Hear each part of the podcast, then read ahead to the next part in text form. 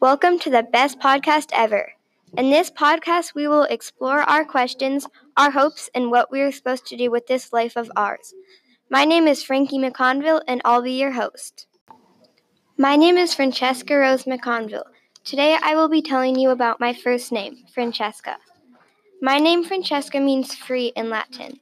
It means freedom, happiness. It means walking outside and feeling the warm breeze blow against you and hearing birds chirping early in the morning. My mom is Italian, so when she thought of Francesca, her and my ta- dad loved it because it was it is a very Italian name. But they tried to find a nickname for Francesca. It was a hard at first because there weren't any small names in Francesca, like how Anne is to Annabelle. But once they found the nickname Frankie, my parents loved it.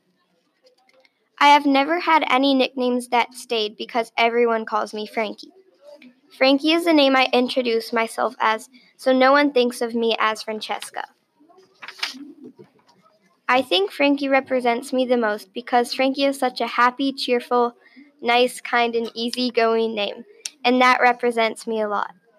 When I was little, I didn't like my name at all, because people would call me Frank or Frankenstein, and I was five, so it really hurt my feelings.